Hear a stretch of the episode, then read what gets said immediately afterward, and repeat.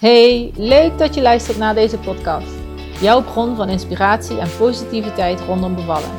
Als tegenhanger van de vaak minder fijne bevallingsverhalen die je hoort en onbewust met je meeneemt.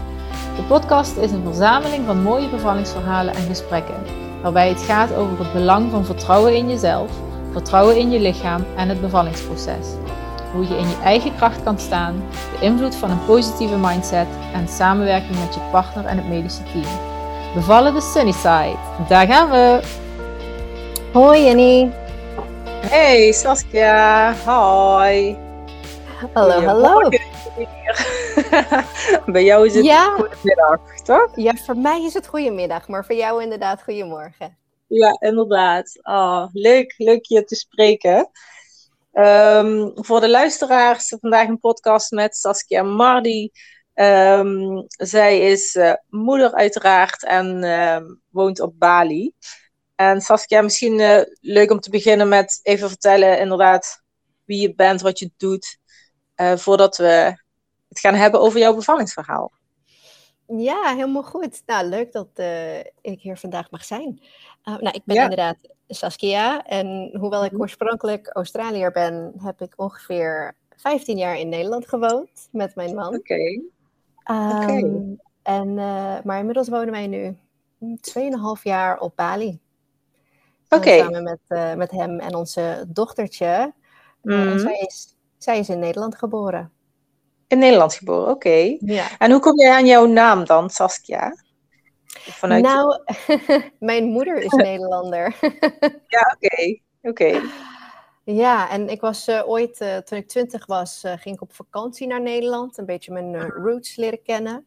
En Mhm. toen werd ik verliefd op een jongen en het was een beetje uit de hand gelopen one night stand. Want 15 jaar later woonde ik er nog steeds. Oké. En, en ja, hij is dus, die, die, die leuke jongen is dus inmiddels mijn man. Maar ja, precies. Het was wel de, een, een waardevolle one, one night stand. Ja, ja, ja. Precies. Oh, leuk. Leuk. Hey, en, maar je zegt, je dochtertje is dus wel in Nederland geboren. Ehm, en jullie wonen nu sinds 2,5 jaar op Bali. Heerlijk lijkt me dat trouwens. Ja, Eh, ja, het is niet verkeerd. Nee, dat geloof ik. Eh, ja, en kun je eens vertellen, eh, waar begint jouw bevallingsverhaal, het geboorteverhaal van, van jouw dochtertje voor jou? Ja, nou, mijn dochter die heet Olive. En ik denk dat het, het begin van onze verhaal begint bij onze 20 weken echo.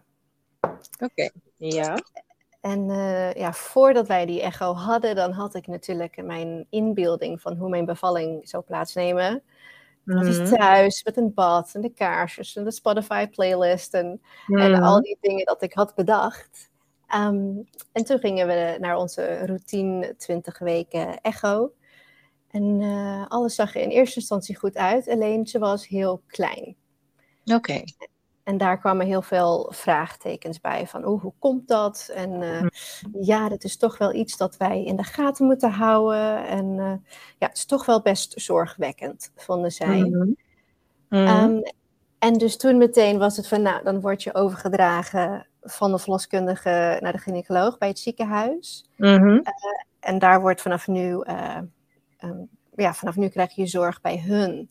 En dat was voor mij natuurlijk iemand die eh, een natuurlijke waterbevalling thuis was zo van, oh, oké. Ehm, Ja. Dat heeft de plannen even ehm, ja, veranderd voor mij. Dus even shiften. Ja, precies. En eh, Mhm. in eerste instantie was het niet heel duidelijk waar, de, waar het vandaan kwam dat zij zo klein Mhm. was. En ik riep van, ja, ik ben Australiër, ik ben zelf heel klein, ik was ook heel klein geboren. Mijn man is ook Balinees, dus eh, ja, je Mhm. meet ons volgens de Nederlandse normale, kan het zijn dat onze baby gewoon wat Ja. kleiner is. Omdat natuurlijk Nederlanders, die zijn de langste volk ter wereld. En dan eh, een half Ja. Aziatisch kind. Misschien, Ja, als- eh, misschien daar komt het gewoon van pakt. Ja, Ja, precies. precies. Nou, het Mhm. bleek dus dat er was toch wel een beetje een vraagteken bij haar connectie met de placenta. En dat ze een beetje daar ehm, toch wat extra eh, in de gaten wilde houden. Mhm. En dus vanaf 20 weken moest ik elke week naar de gynaecoloog, eh, gynaecoloog in het ziekenhuis bij ons in Utrecht. Om Mhm. elke keer te checken en de groei te meten. Van ja, gaat het wel? En eh, er was de hele tijd vraag van, ja, misschien moeten we haar eerder laten halen. En nou, mm. natuurlijk, ik ben geen medisch professioneel, maar in, in mijn mm. normale mensenhoofd, ik dacht, ja, als de brood nog niet afgebakken is, dan laat je het toch langer in de oven zitten. Ik, ja, dat is ook het eerste wat ik nu denk. Ja. ik denk, als het te klein is, dan laat je haar erin zitten. Ja. Um, maar goed, uh, ja, over de loop van de aankomende maanden was dan dat ze zeiden van, nou, weet je, ze blijft klein, maar ze volgt wel het groeicurve. Wel op haar eigen lijntje, wel onder het groeicurve. Ja. Maar ja, misschien is het gewoon dat ze een kleine kind mhm. is. Ja, ja nou. en dus, uh, dus ik en mijn man van, nou, goh, uh, dat is mhm. een beetje het idee dat wij ook hadden. Maar in de tijd dat dat zorg begon een beetje af te lopen, toen kwam er een mhm. andere erbij. En dat was, uh, ja, ik was toen wel dik over de 30 weken. En het bleek dat ze in plaats van met haar hoofd omlaag, met haar billen omlaag zat. in uh, ja. vol, volkomen stuit. Oké. Dus je hebt verschillende soorten stuitbevallingen. Uh, waar één voetje omlaag zit, of twee, of in ieder geval volkomen stuit. Dat is wanneer je helemaal bent dubbel geklapt. Dus ja. Uh, je voeten zijn ongeveer bij je gezicht, zeg maar. Ja, precies. en dan met je, je ehm, billen zitten helemaal voor, uh, voor de uitgang. Ja, precies, precies. En toen natuurlijk een hele waslijst kwam met ideeën van hoe we dat konden helpen om haar te draaien. Met bijvoorbeeld yoga poses, mm. bepaalde acupunctuur met een soort moxa stokje mm. dat je kan branden. ja. Ehm, nou, dat allemaal geprobeerd. Zij uh, was heel eigenwijs, die bleef gewoon lekker zitten. Ja. toen hadden ze ook aangeraden om te proberen fysiek haar te draaien. Dus dat is wanneer je dan in het ziekenhuis, dat de mhm. doktoren door op je buik te drukken proberen het babytje te draaien. Ja, een versie. Ja, uit en, uh, ja. Nou, voor mij was dat nog erger dan de bevalling. oh, ja, dat, mm, dat, dat was pijnlijk, dat heb, bedoel je? pijnlijk, maar ook het voelde zo verkeerd. Het voelde echt gewoon, dit hoort niet. Het, ja. Nogmaals, Want ik, ik, ben... Ik was ook even... Oh, sorry, ik wil je niet onderbreken. nee, nee, ik, was even, ik was even benieuwd, want um, eerst en toen lag ze in stuit. En voordat je al die keuzes ging maken, hoe ben je omgegaan met, met de emoties die dat meebracht? Ja. Hoe, voelde je? Heb je iets extra's gedaan om, om daar positief in te staan? Of um, je ja, nou, ja, nou weet je, meestal ben ik iemand die heel sensitief is en dat mm. heel erg uh, in het verleden een beetje people pleasing wil zijn. En uh, wat heel grappig was, ik weet niet of het je moederinstinct is dat naar boven komt of een soort van het, het uh, spirit van je kind, want die voor mij is echt zo mm-hmm. pittig als maar kan. Oh ja. Ehm, maar ik voelde me zo stevig in mijn schoenen, ondanks alle onzekerheid. Mm. Ehm, en dat ik de hele tijd het gevoel had van, het komt goed, het komt goed. Uh, dit is gewoon, het gaat even anders dan de planning, maar het gaat goed komen. Ja. En ik denk, een voordeel ook is dat uh, mijn moeder was vroeger uh, vroedvrouw. Dus mm. ik had haar ook altijd ja, in mijn hoek die dan ja. advies aan geven was. Die was er altijd voor vragen. En ja, zij kwam ook vaak. Ja, zij kwam ook vaak mee. Ze, ze, kwamen in die tijd naar Nederland om daar een tijdje te wonen. Dus die is ook oh. vaak uh, met mij naar de doktersafspraken gekomen. Want ja. soms weet je gewoon niet wat voor vragen je moet stellen. En dan komen ze met allerlei termen en uh, woorden dat ik nooit eerder heb gehoord. En dan had ik in ieder geval iemand bij me die, die een beetje ja, wist hoe het in elkaar ging. En natuurlijk, mijn moeder zegt van de oude garde qua wat uh, het standaard praktijk is. Maar uiteindelijk uh, baby's worden op hetzelfde manier gemaakt zoals 50 jaar geleden. Dus, uh, ja, en ook dezelfde manier geboren. Dus ja, dat, precies. precies. Ja, zeker. Dus oh, wat fijn. Maar, dus dat was wel een positieve invloed, je moeder. Zeker. Om positief te blijven en krachtig. En in je, naast het feit dat je het heel sterk zelf voelde al, ook vanuit de energie van je baby, dat je vertrouwen mocht blijven houden dat het goed komt. Had je toch ook die positieve verhalen van je moeder, wat, echt ook heel sterk is natuurlijk. Ja, en natuurlijk, ik had wel eerst, toen ik hoorde dat ze stuit was, en dan natuurlijk, we leren allemaal, ja, een baby komt met de hoofd eerst. Dus dan in eerst dacht ik van, oh, weet je, het is helemaal fout en zo hoort het niet. En ik had natuurlijk niet uh, zonder Mhm. zorgen of zo door dat periode heen gegaan. Ik had wel echt momenten dat ik angstig was. Ja. Ehm, maar zeker toen wij voor die afspraak gingen om haar die inversie te doen, waar ze probeerden haar te draaien. En dat het, het voelde voor mij zo niet natuurlijk. ja. Ik ging naar huis met echt het, het gevoel van: het is helemaal prima. Ze gaat gewoon op haar eigen manier komen en het gaat helemaal lukken. Eh, Mhm. Blijf met je poten van me af, weet je. Ja. We gaan het ook weer nog een keer proberen. Ja. Zo gaan we het gewoon doen. Ja, Ehm, dat is goed. En dan Dat ben had je ik toch even erg- nodig. Ja. ja, dat was voor mij van, oké, we did our best, weet je. We hebben geprobeerd haar om te draaien. En blijkbaar wil ze dat niet. Nee. En dus toen ben ik me veel meer eh, gaan verdiepen in, ja, wat is stuitbevalling? Waar komt, eh, hoe komt dat? Eh, hoe vaak komt dat voor? Wat zijn de risico's? Weet je, echt gewoon een soort van een specialist in eh stuitbevallingen Ja. proberen te worden. Onderzoek gedaan. Ja. Ja, echt onderzoek gedaan en echt begrijpen waar ik eh, mee te maken had. Want natuurlijk, Ja. het is heel anders dan wat je verwacht. Ja. En ehm, ja, ik was sowieso heel erg eh, aan, veel aan het lezen van eh Ina May Gaskin over soort, spiritual midwifery en gentle birth en al dat soort dingen. En dus ik was veel informatie ook aan die hoek aan het uitzoeken. Mhm. En toen kwam ik achter dat ja, heel veel mensen hebben, ook in, in het medische wereld, niet zoveel met stuitbevalling, een natuurlijke stuitbevalling mee te maken. Omdat uit ja, angst of voorzorg worden mensen vaak meteen verteld, doe maar een keizersnede. Ja. Dus Ja. dat ze niet eens de mogelijkheid krijgen om te proberen. ja, klopt. Maar als ik dan niet naar alleen ja, de, de standaard medische advies ging kijken, maar ook naar de alternatieven. En ook vooral Mhm. naar verhalen van vroeger, wanneer keizerzede niet zo snel werd voorgeschreven, kwamen er heel veel positieve verhalen uit. Ja. Ehm, en zoals ik zei, ik had gewoon echt een heel sterk gevoel van, ik ga het gewoon doen.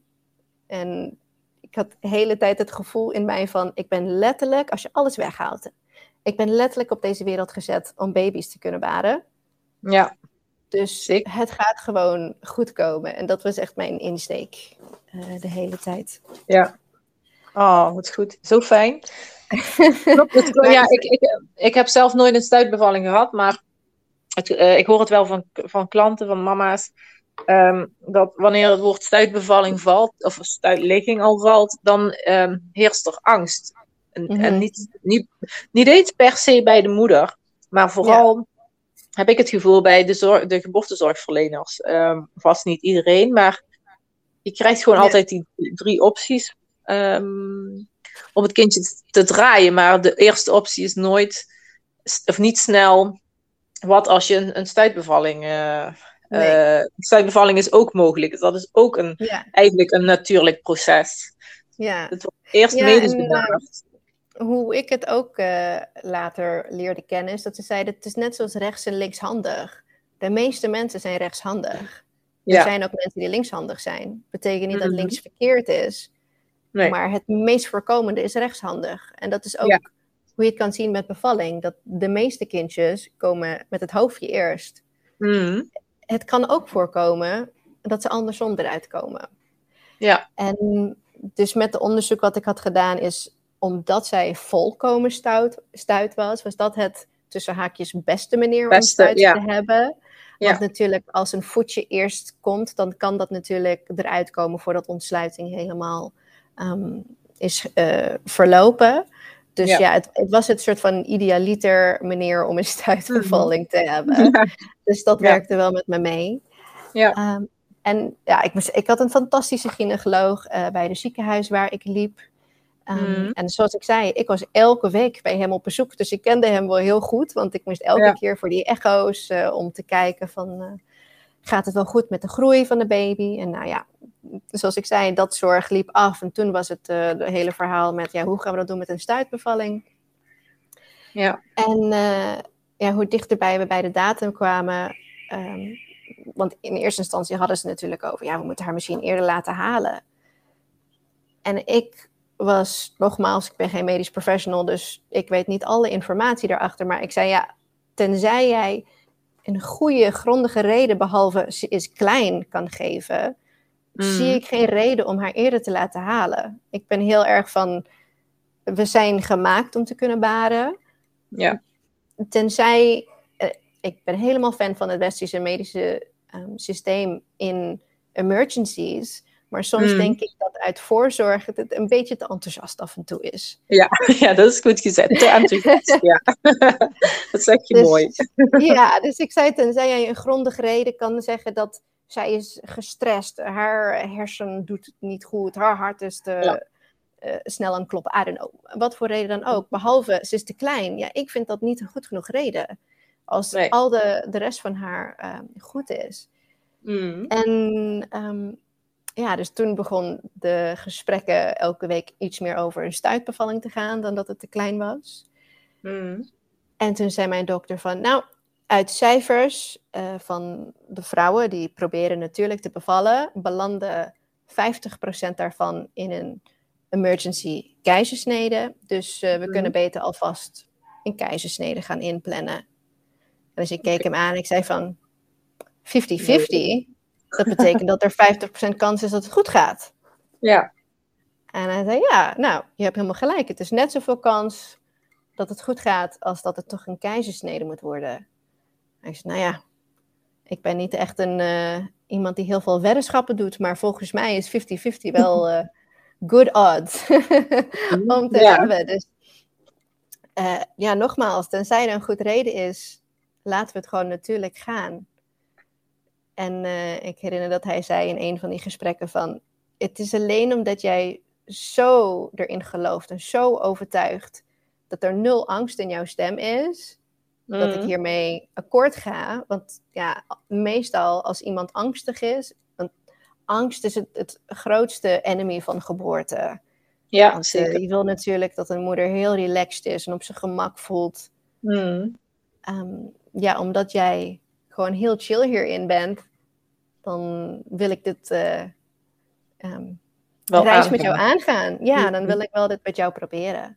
Ja, En, ehm, en dus ik ben eh, nogmaals, elke week gingen we er naartoe en elke week dichter bij mijn uitrekendatum. En ze van ja, nou, we kunnen alsnog gaan inleiden. En ik had in mijn research geleerd dat ja, als je gaat inleiden, is er natuurlijk ook meer kans dat je dan belandt met een keizersnede. Dus zelfs Ja. als jij een, een, een normale hoofdeerstbevalling hebt. Dus ik was echt, ik wil totaal geen inleiding als het niet nodig is.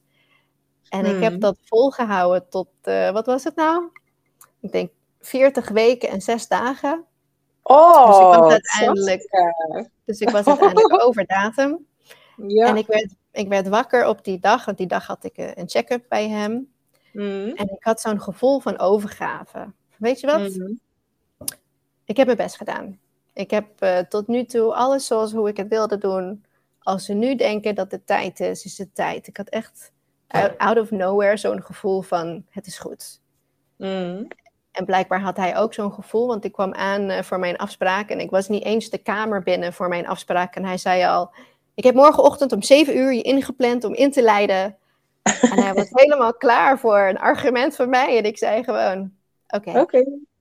Ik was er klaar mee. Ik was er, ik was er klaar voor, zo Ja, klaar voor. Ja, ja. En hij dus ook, want En hij dus ook, ja. ja, jullie zaten, uiteindelijk waren jullie helemaal aligned ehm, qua energy misschien. Ja, en het, en ik, ja, ik, het, het kwam echt out of nowhere, gewoon zo'n gevoel van, het is tijd. Ja. En dus we gingen toen naar huis. Ik was mijn man natuurlijk met mij mee. En toen zei ik van, goh, ik heb nog geen ziekenhuistas ingepakt. Misschien moeten we, maar, moeten we dat maar eens nog een keer gaan doen. Al een week over datum bijna. En eh, toen gingen wij naar bed die avond. En ik wilde mijn bed instappen. En toen braken mijn vliezen. Oh, tuurlijk. En ik herinner nog dat, dat ik zo blij was. Want als je vliezen zijn gebroken, mogen Mhm. ze je niet inleiden. Nee. Dus ik herinner nog dat ik echt met trillende benen zo blij was. Want ze kunnen me niet inleiden. Oh, wat Ehm, heerlijk. ja, dus het was alsof mijn lichaam wist dat het eh, zou beginnen. Mhm. En dat het tijd was. En dus dat was ja, in de avond, ik denk rond tien uur of zo, s'avonds. En vanwege de stuitbevalling, of de stuitligging, uh, hadden ze gezegd, zodra de bevalling begint, moet je meteen naar het ziekenhuis. Weet je, niet wachten tot je zoveel minuten, uh, om de minuten um, een wee hebt, of niet wachten op ontsluiting. Gewoon meteen gaan. En uh, wij hebben zelf geen auto, dus we hebben een taxi gebeld en ik heel voorbereid met mijn uh, vuilniszak en een handdoek om op te zitten, zodat ik de, de bank ja. van de taxi niet ging beschadigen. Ja. En toen uh, kwam de taxi aan en wij heel enthousiast, we gaan naar het ziekenhuis, we gaan een baby krijgen. En hij zei, nou, dit is het meest relaxte moeder dat ik heb ooit in de auto gekregen. Want natuurlijk meestal, als iemand naar het ziekenhuis gaat, zijn ze al ja. ver de, weeën, de weeën in en zitten ze al ja. echt ja, dus is er meer spanning, zeg ja. maar. Ja. ja. precies. Maar ja, ik had nog helemaal geen weeën. Ik had helemaal nee. niks. Het was puur nee. van, oh, mijn vliezen zijn gebroken. Mm. En uh, ja, dus toen kwamen we op ziekenhuis aan. En dan uh, alle apparaten, even de hartslag meten en dit en dat. En dan 24 uur, niks. Geen wee, geen krampje, gewoon helemaal niks. Nee. En, uh, dus ik dacht van, oké, okay, is een beetje een anticlimax. ja. ik denk dat het gaat gebeuren. De hele dag niks. Um, en dan de nacht daarop, dus toen was ik echt een week over datum. Mm. toen begon ik wel weeën te krijgen. Oké. Okay. En um, ja, het is gewoon vanaf daar, dus dat is rond middernacht is dat geboren. En maar dus je, je kreeg weeën. En die, dat ging ook goed. Die bouwde zich in kracht op. En dat werd steeds intenser. Je vliezen zijn natuurlijk gebroken. Dus dat is vaak wat mm-hmm. sneller intens. Mm-hmm. Nou ja, ik heb tot nu toe maar één bevalling meegemaakt. Dus een vergelijkingpunt heb ik niet. Nee. Um, maar qua dat fase, volgens mij, was het gewoon een beetje normaal. Was dat het, ja. Uh, ja. dat het ging gewoon uh, mm. langzaam op zijn tijd opbouwen. Ontsluiting ging uh, vanzelf. Um, ja, natuurlijk. Ik zeg het allemaal nu natuurlijk alsof het al heel chill was. Maar het waren gewoon weeën en het was ontsluiting. Dus het is wel ja. een, gewoon een krachtige ervaring om mee te maken. Ja. Um, en, en, mij... en, mocht, je, mocht je bewegen of lag je op bed? Moest je op bed liggen of mocht je nog rondlopen? En uh, oh ja, kon je gebruik maken van de zwaartekracht, zeg maar? um, ja, het was natuurlijk een beetje een dans tussen wat ik wilde en wat zij wilde. Ja. Um, want zoals je nu hoort, ik was heel erg pro van ik wil een natuurlijk bevalling. Ik wil het op mijn eigen manier doen. Ik wil het op mijn kinds manier doen. Ja. Um, dus uh, de afspraak dat ik uiteindelijk met mijn gynaecoloog had gesloten was van... Ik kom naar de medische kamer om te bevallen, want uh, ik snap dat daar uh, potentiële risico's zijn. Dat de sta Mhm. een standaardbevalling misschien niet heeft. Mm. Maar nogmaals, totdat er een medische indicatie is, doe ik het op mijn manier. Dus ik heb Ja. wel dat ik mocht gewoon bewegen. Ik had zo'n uh, Ja, zo'n uh, bal, zo'n bal waar ik op kon Ja. zitten. Hm. eh, nou ja, alle posities heb ik maar uitgeprobeerd. Ehm, ze hebben wel op een gegeven moment eh, zo'n inwendige hartslagmeter Ja. ehm, bevestigd. Dus op haar bil. Meestal is het natuurlijk op de hoofd van een baby, maar op haar bil.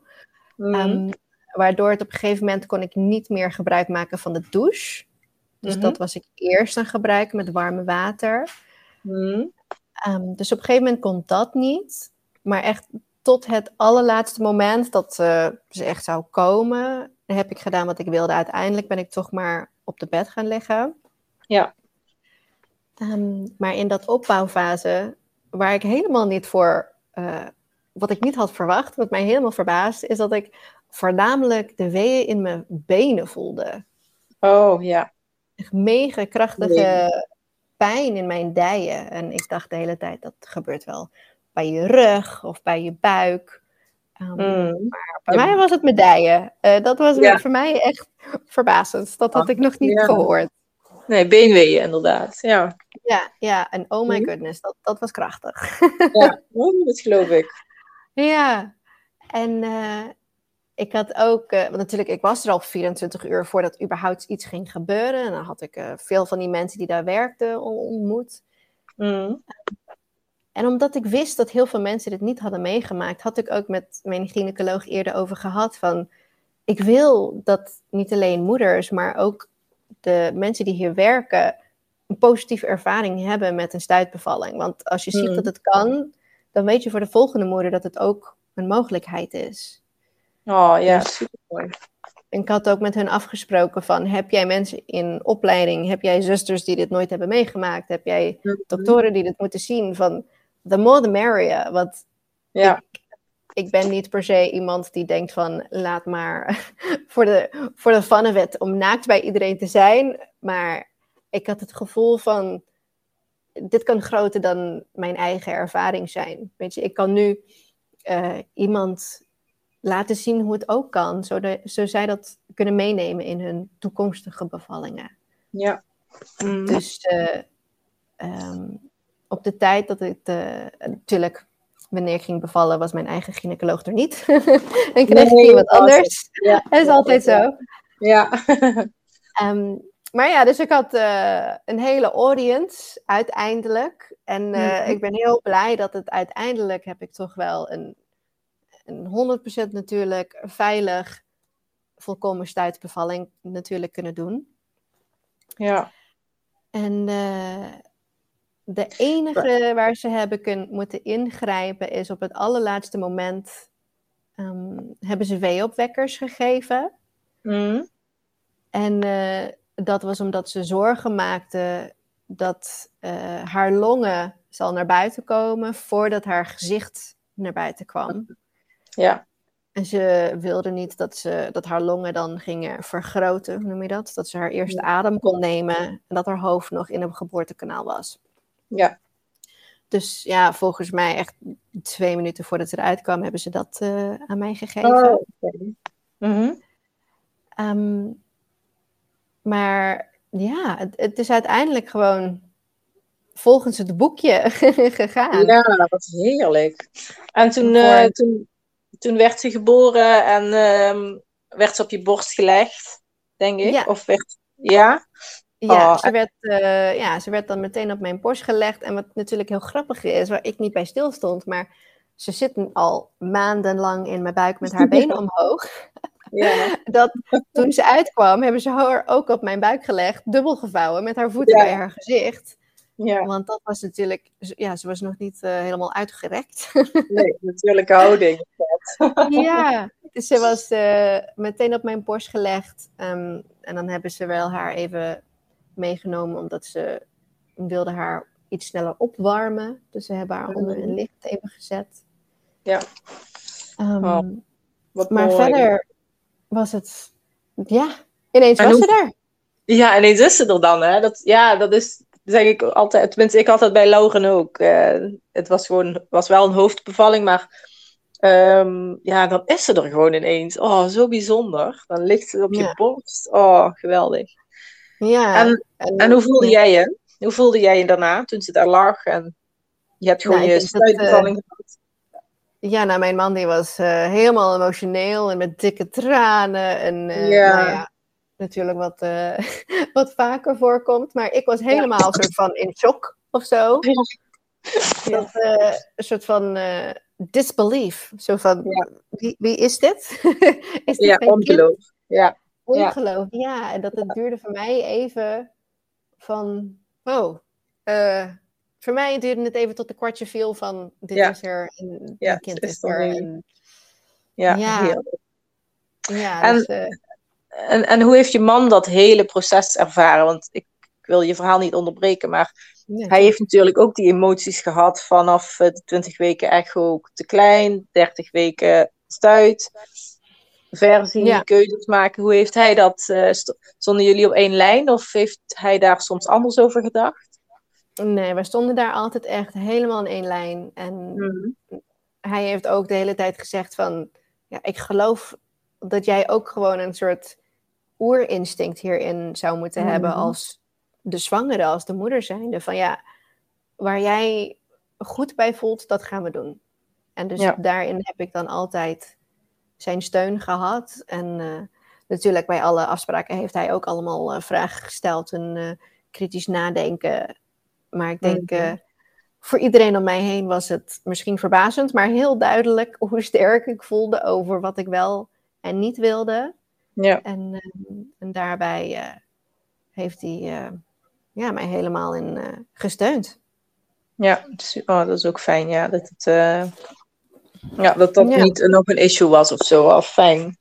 Nee, nee, dat helemaal niet. Zeker van onze familie en iedereen om ons heen. Dat mm. alleen maar support gehad. Ja. En daarna, dus Olive was geboren. Hoe laat is ze geboren? En op welke dag? Wat is haar verjaardag? ze is op uh, 12 december om 12 uur geboren, dus 12, 12, 12. Ah, tuurlijk. oh. En uh, ja, welk jaar? Het, uh, in Sorry? 2000, en welk jaar? 2015. Oh, 15, ja. Ja, net geen 2012, hè? Dat was dan mooi geweest. Nee, ja, dat was leuk geweest. Maar hey, dit is ook mooi. Um, ja, maar het, het, ging allemaal goed met haar. En uh, ja, uiteindelijk is ze gaan uitrekken, zullen we zeggen. Ja. Um, dus ze, ze, vonden het haar een beetje interessant om haar te meten toen ze eerst uitkwam. En natuurlijk, meestal hebben baby's dan dat hun benen iets meer... Uh, achter liggen rechter liggen. Ja. ja. Um, maar wat grappig was, is dat uh, alle zusters en, en, iedereen die op kraamvisite kwam, alle moeders, uh, die zeiden van, wow, wat heeft zij een ronde hoofd. Oh. Want uh, natuurlijk, ja. omdat zij niet hoofd eerst is gekomen, ja. Ja. is haar hoofd nooit geperst. Of, uh, ze nee. had wel blauwe billen, maar ze, had, ze had een perfecte ronde hoofdje. Ja. Um, dus dat was ja, grappig om te zien dat dat iedereen zo opviel. Ja. En, um, en hoe, heb je nog gesproken met de verpleegkundige zusters, stagiaires die om je heen stonden? Heb je daar nog iets van gehoord? Of ze het bijzonder vonden of een mooie ervaring? Nou, ik moet eerlijk zeggen dat die momenten daarna met de staf herinner ik niet zoveel. Nee, nee, nee kan het, ja, snap ik. Ja, weet je, als je bevallen bent, dan ben je zo in je, in je eigen wereld en in je oerkracht. En, ja. en ik was zo, zoals ik zei, mijn mantra was van you were born to do this. En dat was gewoon ja. dat uh, wereldje waar ik in gebleven was die hele tijd. Um, ja, volgens mij was het wel dat ze het heel fijn vonden dat het zo open was en dat andere mensen welkom waren om natuurlijk niet uh, elke idioot die rondliep in de gang, maar dat in ieder geval dat de mm. mensen die daar werkten, die hiermee ja. te maken zouden kunnen hebben, dat die ook die ervaring konden hebben. Ja. En um, ja. Ja, en dat, we zijn wel uiteindelijk wat langer in het ziekenhuis gebleven, omdat als jij, uh, als je vliezen breken en dan duurt het nog lang totdat de bevalling op gang komt, mm. dan willen ze kijken dat er geen um, infecties zijn gekomen. Dus uh, ja. we moesten, denk ik, twee, twee of drie dagen nog blijven. Mm. Want uh, ze zouden ons dan naar huis sturen op zondag, maar toen zeiden we, nou ja, op zondag komt de kraamzorg niet, dus Blijf ja, maar dan een nachtje slapen. ja. En uh, ja, dat is ook zo'n ding waar ik zo dankbaar voor ben dat zij in Nederland is geboren. Mm -hmm. dus ik denk het is makkelijk om te vergeten als je niet uit een andere land komt. Hoe Mm. fijn het is. Ik heb Mm. geen één rekening gezien van die Nee. hele bevalling en die hele zwangerschap. Omdat het allemaal in je basisverzekering valt. Ja. En ik, ik ken mensen bijvoorbeeld in Australië die een veel soepele zwangerschap en bevalling hebben gehad. En die hebben duizenden dollars van rekeningen. En dat het, het is heel bijzonder dat je dat in Nederland kan doen zonder financiële zorg. Ja. ja, en ook wel echt eh, uitgebreide kraamzorg en eh verloskundige Mm. zorg. En, Ja, Ja. kraamzorg, dat is echt unheard of in veel landen. ja, Mensen zeggen, wat? Je krijgt Ja. een soort moeder in huis die dan alles voor je mee gaat helpen. En Ja. gaat zelfs op de douche schoonmaken. Wat is dat nou? Ja, ook nog. Fijn hè? Dus, eh, ja, Ja, dat is heel bijzonder. Heel bijzonder in Nederland. In andere landen moet je het dan echt hebben van familie en schoonfamilie en eh, vrienden die je helpen. Ja, Ja, en, en kraamzorg is één eh, week of zo, hè? één week of iets langer soms. Dus het is eigenlijk maar heel kort. Ja, tien dagen. Eh, maar het is, het is eigenlijk maar heel kort. Want daarna, ik herinner me daarna, dacht ik, oké, nu moeten we het dus zelf gaan doen. Hoe gaan we dat Mhm. doen? oh, die Maar, eerste dag, ehm, ja. Ja, maar ja, wel heel dankbaar voor die, voor die opstart gewoon. Dat is zo fijn om het te Ja. leren van iemand die er verstand van heeft en dat je niet aan je lot overgelaten wordt. Precies. Echt, ja. Ja, nee, ik ben daar echt heel erg dankbaar voor. Ja. Dus ja, ja, weet je, uiteindelijk, het was totaal anders dan wat ik had ingebeeld. Zoals ik zei, ik begon mhm. met het idee van een waterbevalling thuis met kaarsjes en bepaalde muziek. En ja. ja, mij en mijn man en mijn doula. En dat we het gewoon heel uh, puur natuur gingen doen. Mhm. En uiteindelijk heb ik het in een kamer met uh, heel medisch, met uh, alle apparaten klaarstaan voor in het geval dat. Ja, ja. Maar toch, ondanks de omgeving, heb ik het voor de meeste op mijn manier kunnen doen. Ja, precies. Met wat, uh, met wat uh, aanpassingjes hier of daar. Ja, mooi. Je, bent, je hebt heel goed kunnen meebewegen. Eigenlijk volgde je in stilte je eigen pad, zonder het echt heel duidelijk te benoemen. Ja. In, de, in de omgeving van, uh, ja, van het ziekenhuis en waar men graag met protocollen en alles werkt en alles onder controle heeft, heb jij eigenlijk gewoon je eigen pad gevolgd. Ja. En, ja, en ik denk dat daarom vind ik het ook fijn om deze verhaal te delen, omdat ik kon de angst zien in iedereen's ogen toen zij die nieuws met mij deelde en ook als ik het aan familieleden ging delen. Ja. En ik wil dat natuurlijk, er zijn extra zorgen met een stuitbevalling. Er zijn dingen dat verkeerd kunnen gaan, dat je misschien niet bij een, een, een eh, standaard uh, hoofdeerstbevalling hebt. Maar het hmm. hoeft ook niet meteen de allergrootste angst van de wereld te zijn. Nee, nee, ben ik met je eens. Ja, en daarom vind ik het zo belangrijk dat, om dat ook met jou te delen. Of als mensen vragen hebben, denk ik van, stel maar al je vragen. Ik heb vrienden die dan mensen doorsturen van, uh, die heeft ook te horen gekregen dat die uh, een stuitligging mm-hmm. heeft. Dus kan je met hun kletsen? Tuurlijk, want het is niet dat de medische wereld per se altijd verkeerd is. Maar vaak is het wel dat ze kiezen voor de veiligste pad. En ze denken uit voorzorg. En natuurlijk, als je een hogere percentage hebt op een keizersnede, dat ze dan denken van, nou, doe maar gewoon veilig. Maar een keizersnede zie ik niet als voorzorg, dat zie ik als een emergency. Ja. Want een keizersnede heeft ook heel veel risico's. En het heeft hmm. ook heel veel problemen met uh, herstel. Dus ja. ja, het is niet een beslissing om heel licht te nemen. Nee, precies. Nee, inderdaad. Ja, mooi. En, en het, voor iedereen is dat anders natuurlijk. Want um, ja, inderdaad, je moet gewoon je eigen zwangerschap onderzoeken. Wat, wat, wat wordt er vastgesteld? Um, Wat voor soort stuitligging heb je? Maar uh, als je daarin naar je eigen gevoel volgt. Denk dat dat heel belangrijk is. Want vaak wordt, heb, je, heb je snel zoiets van... Um, ze zullen het wel beter weten. De artsen. Ja. Ze hebben ja, er al zoveel gedaan. Ze zullen het wel beter weten. En dan doen, gaan we daar maar op mee. Maar dat, ja, dat, natuurlijk weten ze veel. Maar ze, je, zelf heb je ook dat instinct wat jij zegt. Dat moederinstinct. Je voelt of jouw baby, jouw lichaam en jouw geest en jezelf een andere route mogen nemen. Ja.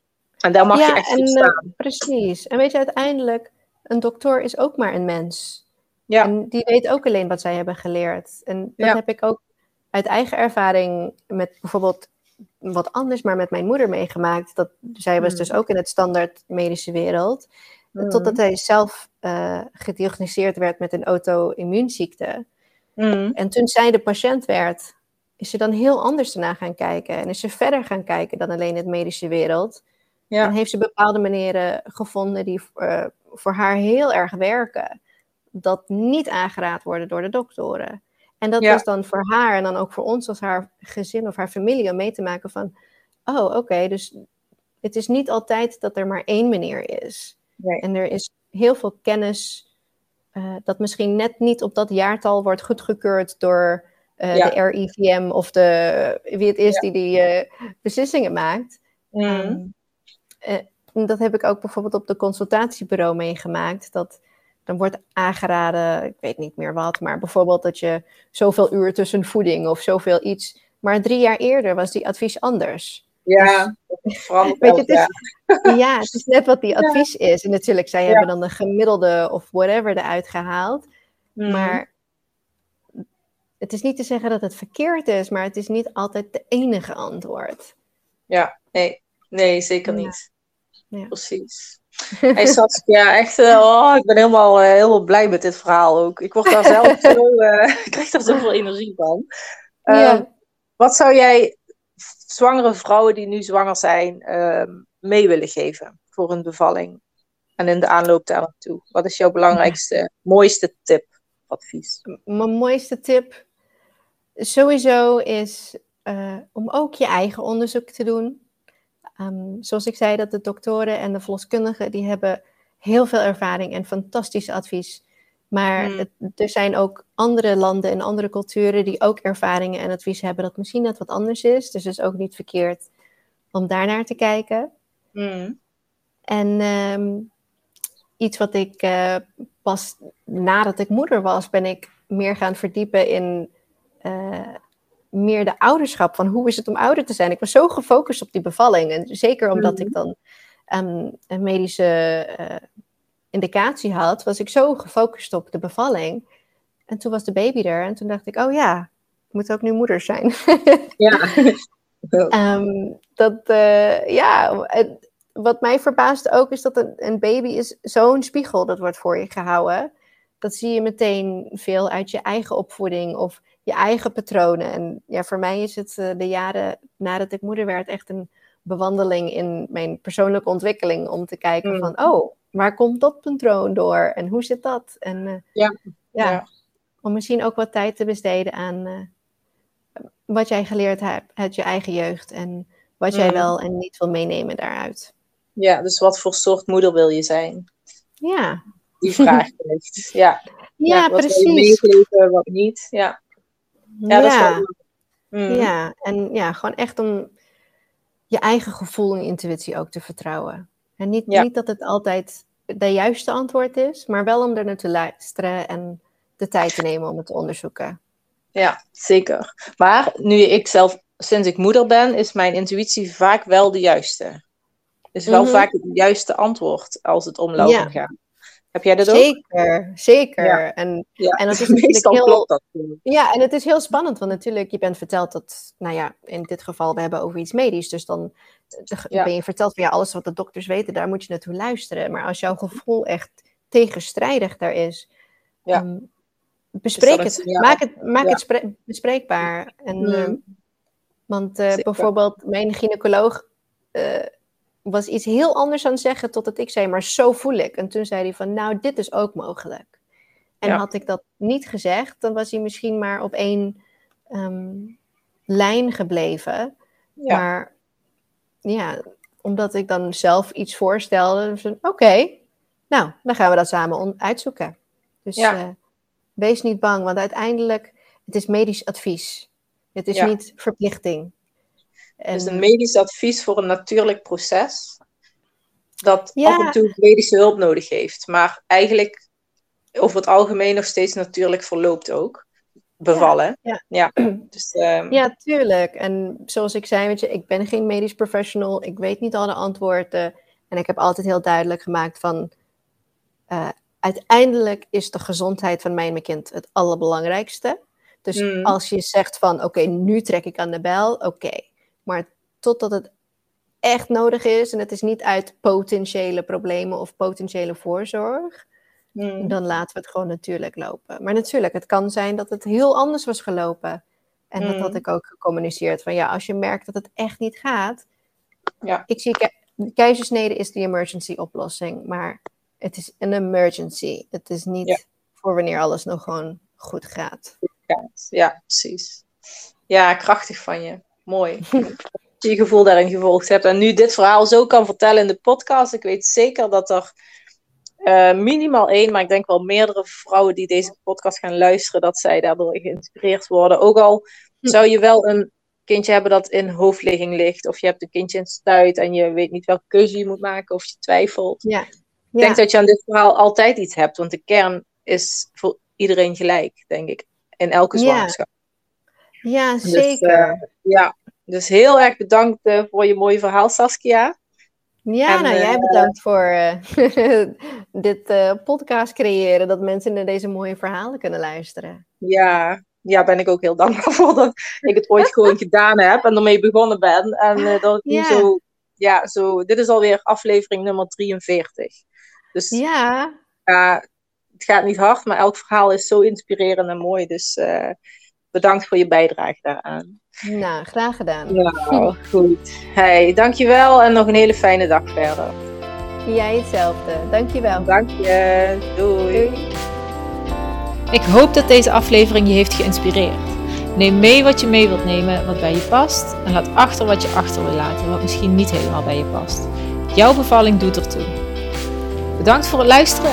Ik zou het heel leuk vinden als je een screenshot van de aflevering maakt of me tagt op jouw social media, zodat we nog meer mama's positief kunnen inspireren.